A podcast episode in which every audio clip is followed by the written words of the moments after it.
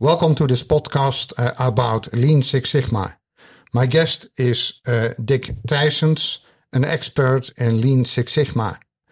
Uh, Dick, could you introduce yourself? Uh, you must have some passion in Lean Six Sigma. Yes, thank you, Beth. Um, um, yes, I have a passion in Lean Six Sigma. I've been working in uh, with Lean Six Sigma already for, let's say, 25 years, more or less, all kind of different fields.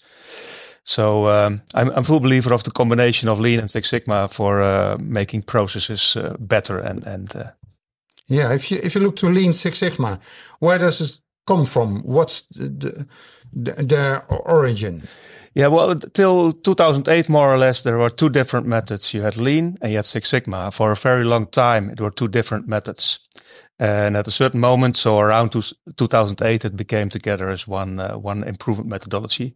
So lean is more from the origin of uh, what Toyota has mentioned very often for lean. But I think many more companies and organizations attributed to, to lean. And Six Sigma comes from uh, Motorola.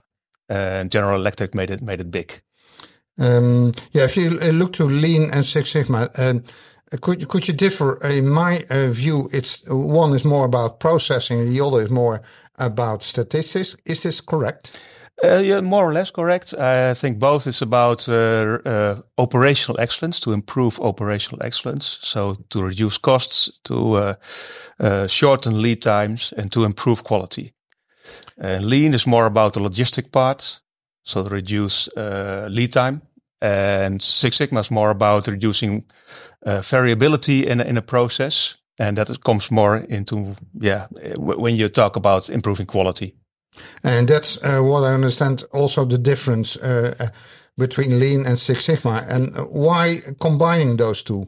Yeah, well, uh, when you start, you you start with a certain um, level of, of operational excellence. Uh, at at uh, we have in the, in these books that that we talk about later, we have a maturity model, and lean comes comes first when you want to improve your, your logistics.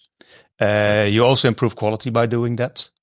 But if you at a, are at a certain level and you have more data uh, and you are, are, already pretty good, but you, you need to find the, the, the, extra, the statistics come to mind. And then also Six Sigma contributes to improving quality. So there's the combination.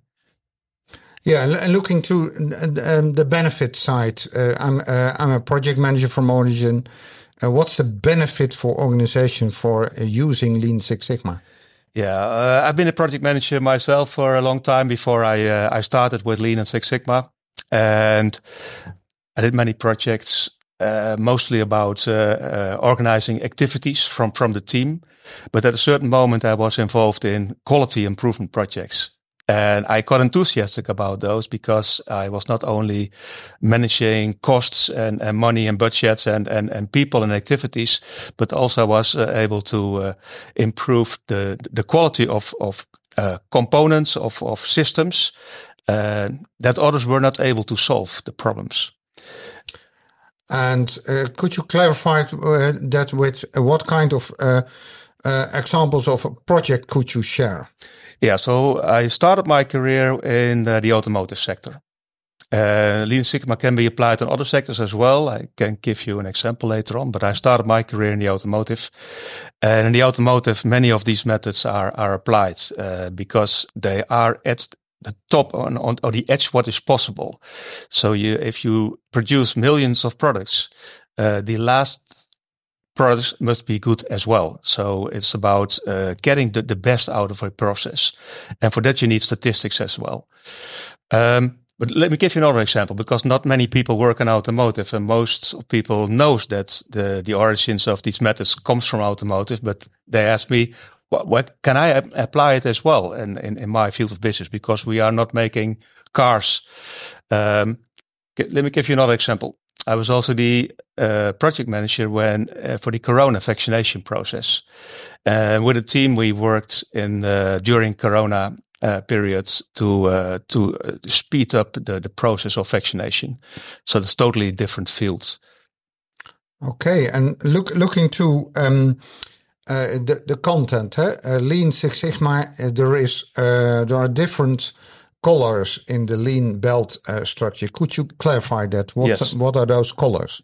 Yes, the colors, by the way, they don't come from Lean, but they come from the Six Sigma. So when Motorola in uh, the, the 80s uh, introduced um, Six Sigma to uh, improve their quality, when they started, they had very poor quality performance, and they, they started then around 87, 88 with introducing Six Sigma as a project improvement methods, combining statistics and project management. And they introduced uh, these color, these belt colors uh, scheme. Uh, so you have four colors: yellow, orange, green, and black. And orange, by the way, is not uh, that you use that much. So uh, I also have here books uh, for yellow, green, and black only. And you can see it even at the size of the books. The yellow belt is uh, is not the thickest one, so that's more like an awareness training. Yeah, we can see the, the difference, and uh, below this podcast, you feel uh, you can see the links to the to the books. Yeah. Um, yeah. So, So, so when, when- start or when organizations start uh, applying Lean and Six Sigma, they uh, they have a uh, it's like a pyramid. Uh, you have uh, on on the bottom you have a lot of people that that need to know the the basics. So they need to know the language and and the approach, uh, some of the, the the techniques and the tools, but not everything. So the green belt is more for what we say uh, middle management, uh, engineers, uh, project managers.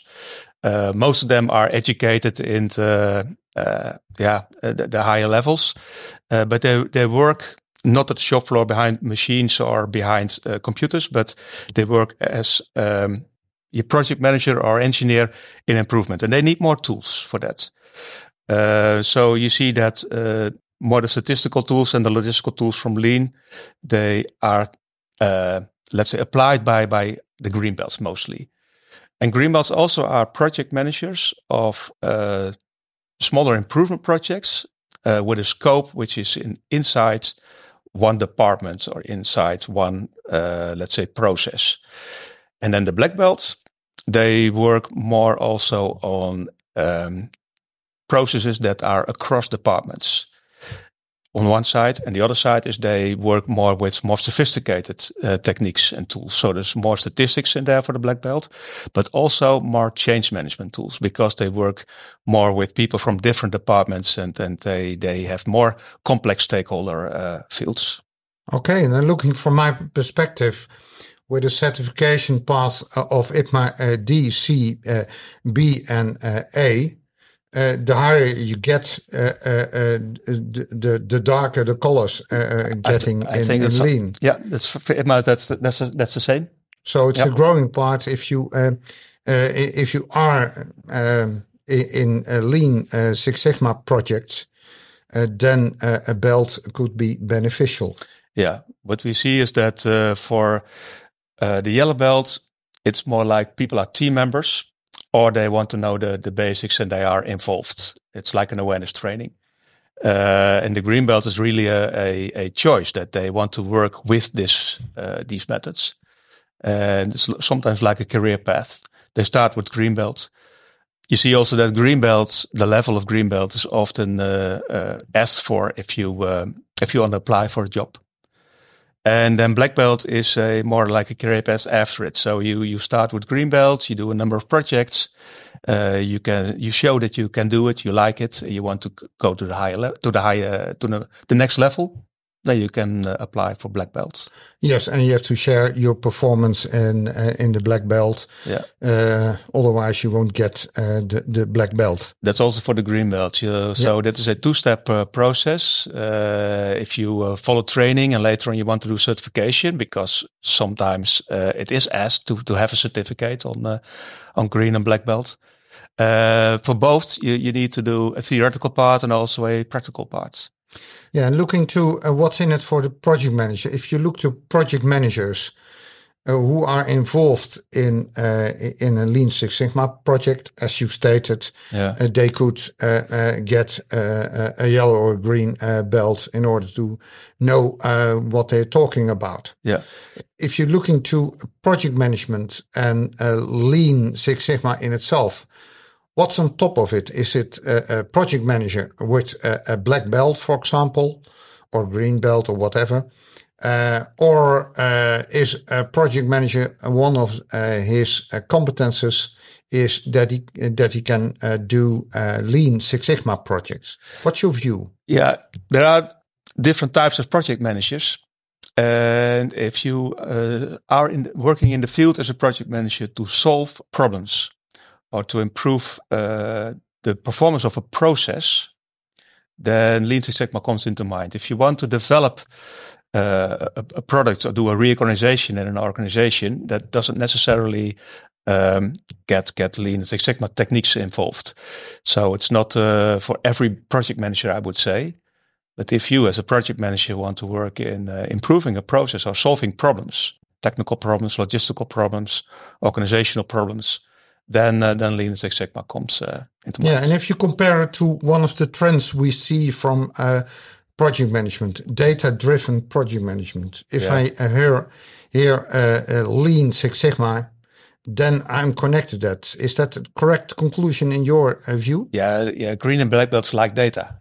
Yes, it's about facts. It's about figures. It's about not about feelings and gut feeling. It's about the first thing is to get the, the facts straight and of course, if you have data, then uh, then you, it's better to to explain the facts, the, the, current situation, also the the the way where you want to go. Sorry, the the, the level where, where you want to want to be, and uh, especially at Six Sigma, there's a lot of data involved. Yeah, and and looking through your books, eh, uh, for example, on top of that, the smallest, the the the yellow uh, one uh, book what make these books different from other books in Lean Six Sigma? Yeah.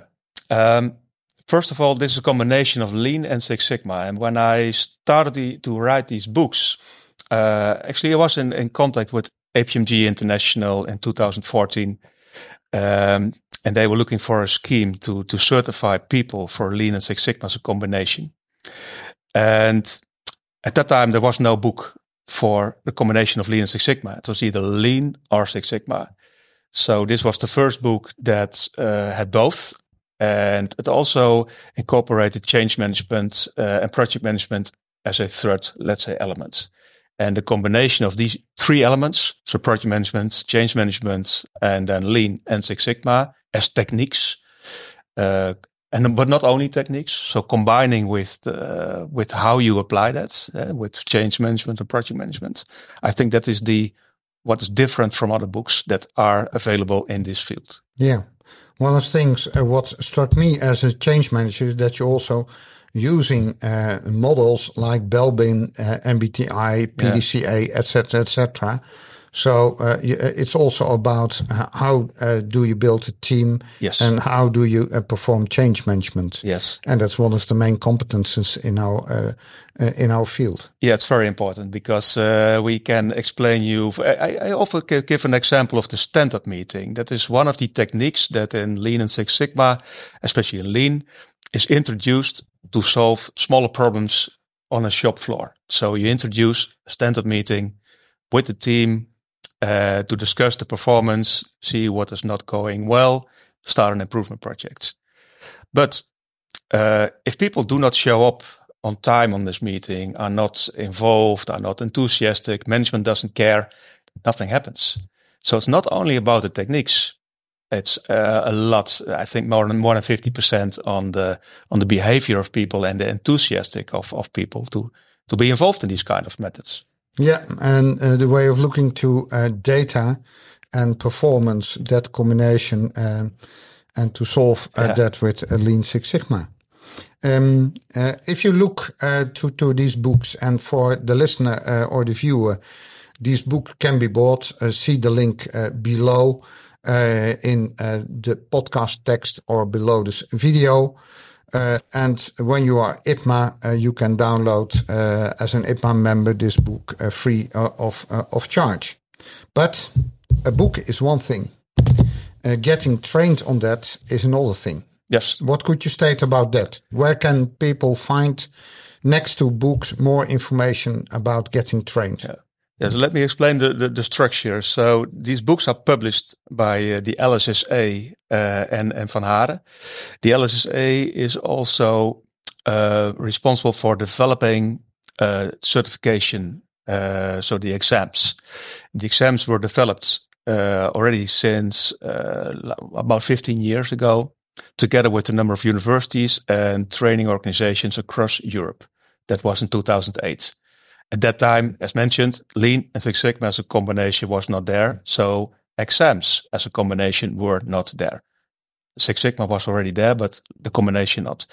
So the LSSA has the responsibility to to develop further develop the exams uh, and also uh, develop training content, which is published by then Van Haren. And the examinations is done by uh, a number of organization institutes like APMG International and EXIN, and the Netherlands also with the University of Twente. Below that, we have uh, dozens of training organizations around the world that is using this content and certification from APMG, EXIN, and, and the university to certify people. So training can be uh, followed with with a number of institutes around the world. In Netherlands, a few, but also in Brazil and and, and other countries as well. Yeah, and if looking to uh, the next step after training, um, then I hear you uh, uh sharing that certification. Uh, so correct. Yeah. So so you can uh, follow training first at an uh, what we call it an ATO, accredited training organization, and have people follow. For instance, the, green belt is an eight days training, more or less. Uh, yellow belt is two days, and then you can apply uh, at, from this training organization. Uh, you can ask for where can I do certification. Mostly, it is is it's organized by the training organization using the certification process from APMG and EXIN. Okay. Thank you. Uh, Dick, um, our listeners and our viewers, the, uh, uh those can buy or use our free uh, copies of these books and again get in contact uh, with uh, your organization or whatsoever. Yes. See the data below this uh, podcast or video clip uh, if you want to know uh, more. just follow the link to get more knowledge about Lean Six Sigma. For my view, as one of the viewpoints within IPMA, I would say that uh, that in a time we're talking about uh, data-driven project management, continuous improvement, with uh, an, a decreasing uh, um, uh, people market, less uh, staff members available. I think this is one of the at least must haves if you want to work in improvement or in data driven uh, projects. Yes, I would say so. Okay. Dick, may I thank you for this uh, podcast interview and thank you, listeners. Uh, we uh, see and hear each other in the next podcast. Thank you.